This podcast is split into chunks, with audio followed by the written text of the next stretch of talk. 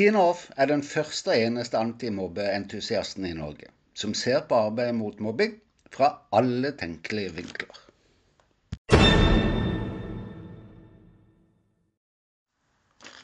Fra øverste hold, som jo er Kunnskapsdepartementet i utdanningssystemet, jobbes det nå frem en ny strategi for kvalitet.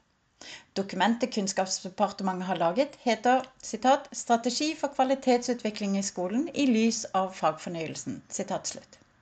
Et av områdene der gjelder hva en baserer sin kunnskap på. Og det er jo viktig. Dagens spørsmål blir da må ikke også de utenomfaglige områder med i en slik vurdering av kvalitet i skolen? Ikke minst om departementet vil lage en strategi som skal føre til utvikling og bedring for barna og de unges kvalitet. Må ikke dette også med? Skal foreldre fortsatt ha tillit til skolen, kan denne nøtten bli avgjørende at strategien knekker.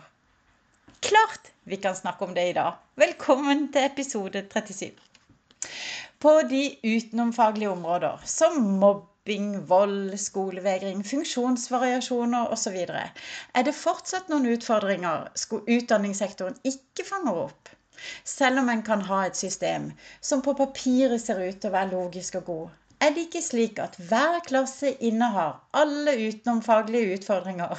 Det kan gå flere år mellom hver gang en lærer har mobbing som en utfordring i sin klasse.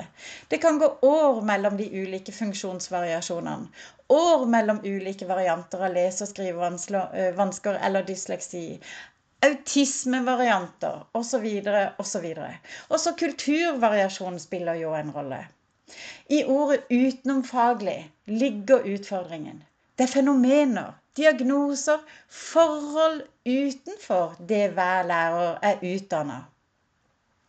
Nei, jeg ønsker ikke å bringe mer inn i skolen, men heller få systemet, altså Kunnskapsdepartementet, til å se behovet for å skape støttesystemer som sikrer kvalitet og langt mindre forskjeller i håndtering enn vi har i dag.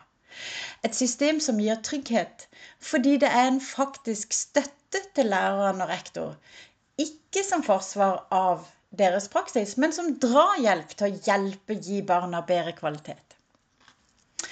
Utenfor sitt ekspertområde er jo også foreldre i disse situasjonene. I den avgjørende starten er foreldre, og ikke minst barnet og den unge, helt avhengig av skolens redelighet, evne og vilje til å håndtere og tilpasse barnets behov, men også til å justere praksis.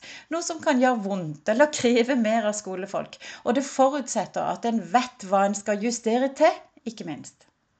Forskjellene i hvordan foreldre møtes av skole. Variasjonen i kompetanse fra skole til skole. Lærer til lærer. Rektor til rektor. Forskjeller er det minst gunstige for barn og den unge, tenker jeg. Men også en nødvendighet for å finne fram til hva akkurat dette barnet trenger. Høres det ut som et dilemma? Ja, det kan høres sånn ut, men jeg tror ikke det er det. Det dreier seg om profesjonalisering av håndtering av utenforfaglige områder.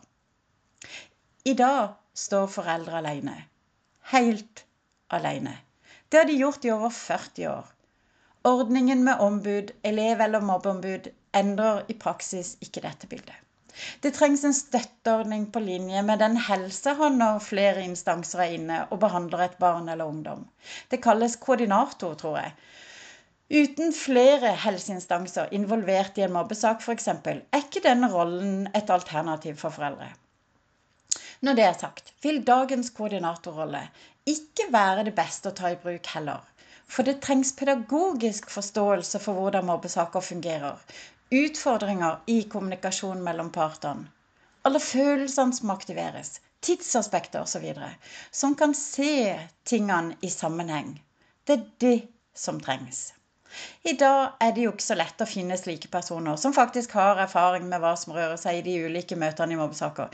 Likevel mener jeg at det er dette foreldrene bør eh, trenger for å få sitt behov dekka. Et tredje område jeg har lyst til å trekke fram, som også utfordres på utenomfaglige områder når de involveres i mobbesaker, det er de øvrige offentlige instansene. Jeg tenker på fastlegene som ofte involveres.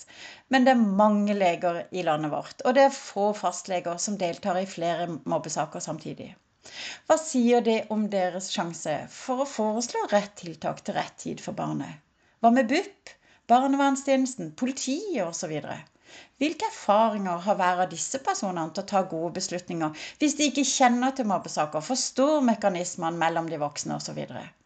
Hvilken hjelp er det at offentlige instanser støtter offentlige instanser, selv om det kan vise seg at det er håndteringen i offentlige instanser som ikke holder mål, altså kvaliteten den skulle ha gitt. Hjelper det barnet eller den unge at de andre offentlige instanser bringes inn da? Eller lar det ligge med det? Tilbake. Unnskyld. Tilbake til Kunnskapsdepartementets strategi for kvalitetsutvikling og kunnskapsgrunnlaget denne strategien skal basere seg på. Her er noen hint. Hvis det som skjer i mobbesaker, går under radaren, vil det ikke bli en del av kunnskapsgrunnlaget til Kunnskapsdepartementet. Og det er jo litt dumt. Det er i dag ingen registre som innhenter opplysninger om enkeltsaker. Fra start til slutt ingen registrering av hvilke instanser som involveres, eller når de involveres. Ingen mulighet for å avdekke i hvor stor grad samhandling mellom instansene fungerer for barnet. Fange opp hvilke instanser som ser ut til å gi best effekt, osv. Det vil si, det er ingen som vet hvordan det går med et barn eller ungdom som utsettes for kvalitetsbrudd av oss voksne. Ja, for det er jo det det er fra det rammes tilfeldig av psykisk eller fysisk vold, som mobbing, til det en eller annen gang får gjenopprettet en trygg og god livssituasjon igjen. Om det i det hele tatt skjer. Det er altså ingen som sikrer kvalitet for barnet eller den unge som opplever mobbing. Jeg har laga en løsning på dette, vi skal ikke prate mer om det, som faktisk kan leses i proposisjonen 57 L, som dreier seg om det rett det i forbindelse med at skolemiljøloven eh, kom i kraft. Og det gjorde jeg i forbindelse med eh, rollen som pedagogisk rådgiver i Odinstiftelsen. Det går faktisk an å lese den der, så jeg lar det bare ligge her. Og så, til slutt, ønsker jeg meg et register som samler inn foreldrenes belastninger i mobbesaker, men også på de andre utenomfaglige forholdene som kan gi Kunnskapsdepartementet et grunnlag til å finne et bedre støttesystem for utdanningssektoren i arbeidet mot mobbing. Og også da i håndtering av de utenomfaglige områdene ellers. Med den voldsomme økningen i barn og unges uhelse, voldsutøvelsen som vi ser øker, osv. Er det ikke lurt at vi skaper systemer som gir et bedre bilde av hva som faktisk skjer i skolen, når det nå skal legges en ny plan om hvordan skolens kvalitet skal utvikle seg og bli bedre? Må vi ikke ha med de utenomfaglige områdene også da? Helt klart, tenker jeg. Og hva tenker du? God uke!